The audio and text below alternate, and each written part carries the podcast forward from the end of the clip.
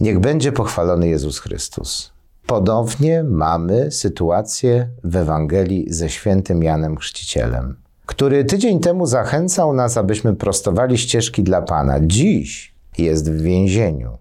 I przez swoich uczniów śle zapytanie do Jezusa: Czy to Ty jesteś tym zapowiadanym Mesjaszem? Jezus, podobnie jak w wielu innych sytuacjach, nie odpowiada wprost. Za chwilę zastanowimy się dlaczego. Przecież Jan Chrzciciel, podobnie jak reszta uczonych w piśmie faryzeuszów i wielu pobożnych Żydów, znała przepowiednie Starego Testamentu i wiedziała, jakie znaki będą towarzyszyć Mesjaszowi. Dlatego Jezus odpowiada: Odpowiedzcie Janowi. Ci, którzy byli chorzy, stają się zdrowi, dzieją się cuda, Ubogim głosi się dobrą nowinę, umarli zmartwychwstają. Jezus nie odpowiada wprost, tak jestem Mesjaszem, tym posłanym, na którego oczekiwały całe pokolenia, ale mówi, po owocach poznajcie. Owoce są błogosławione, owoce są szczęśliwe.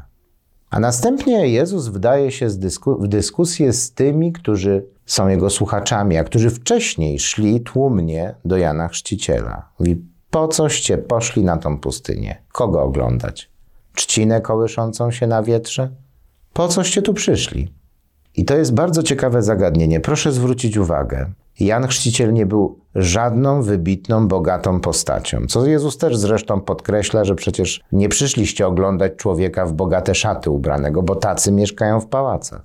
Jan Chrzciciel nie chodził po miastach i nie głosił tego, że nadchodzi Mesjasz i nie wzywał do nawrócenia, nie narzucał się. On żył niezwykle ascetycznie, niezwykle skromnie na pustyni.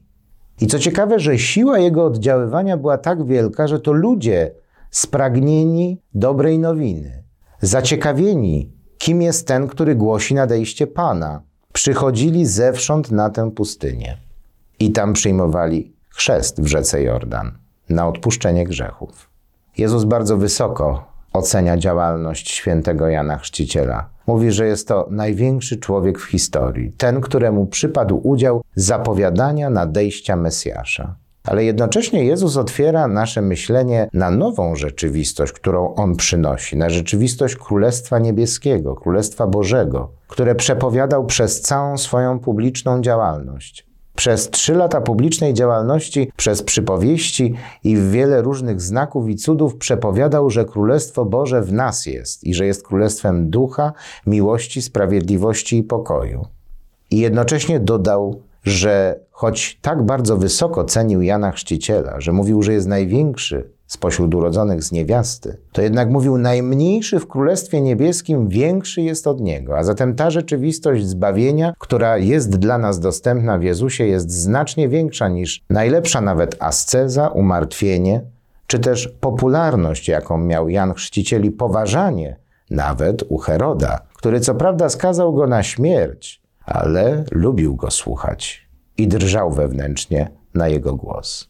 Zastanówmy się w tę trzecią niedzielę Adwentu, co w nas drży, kiedy słyszymy słowa Jezusa, kiedy słyszymy słowa Ewangelii, kiedy przygotowujemy się na nadejście Pana. Co w nas wymaga wyrzucenia z siebie albo otwarcia się na działanie tego światła, które przychodzi z nieba, które uzdrawia, które jest żywą miłością. Abyśmy mogli stanąć w prawdzie, Przejrzyjmy się w Ewangelii jak w lustrze. Zobaczmy, gdzie są sytuacje, które możemy poprawić, a także te momenty, w których sobie kompletnie nie radzimy.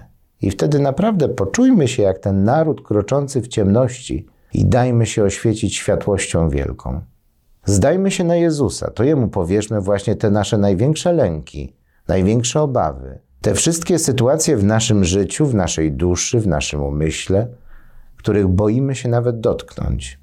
Może to być lęk przed śmiercią, może to być doświadczenie choroby kogoś bliskiego albo własnej. Mogą to być nieuzdrowione relacje z innymi ludźmi. Oto nadszedł czas, kiedy Jezus chce przyjść do Twojego życia i zmienić je na dobre. Oczyścić je z wszelkiego lęku, a wypełnić to miejsce swoją miłością.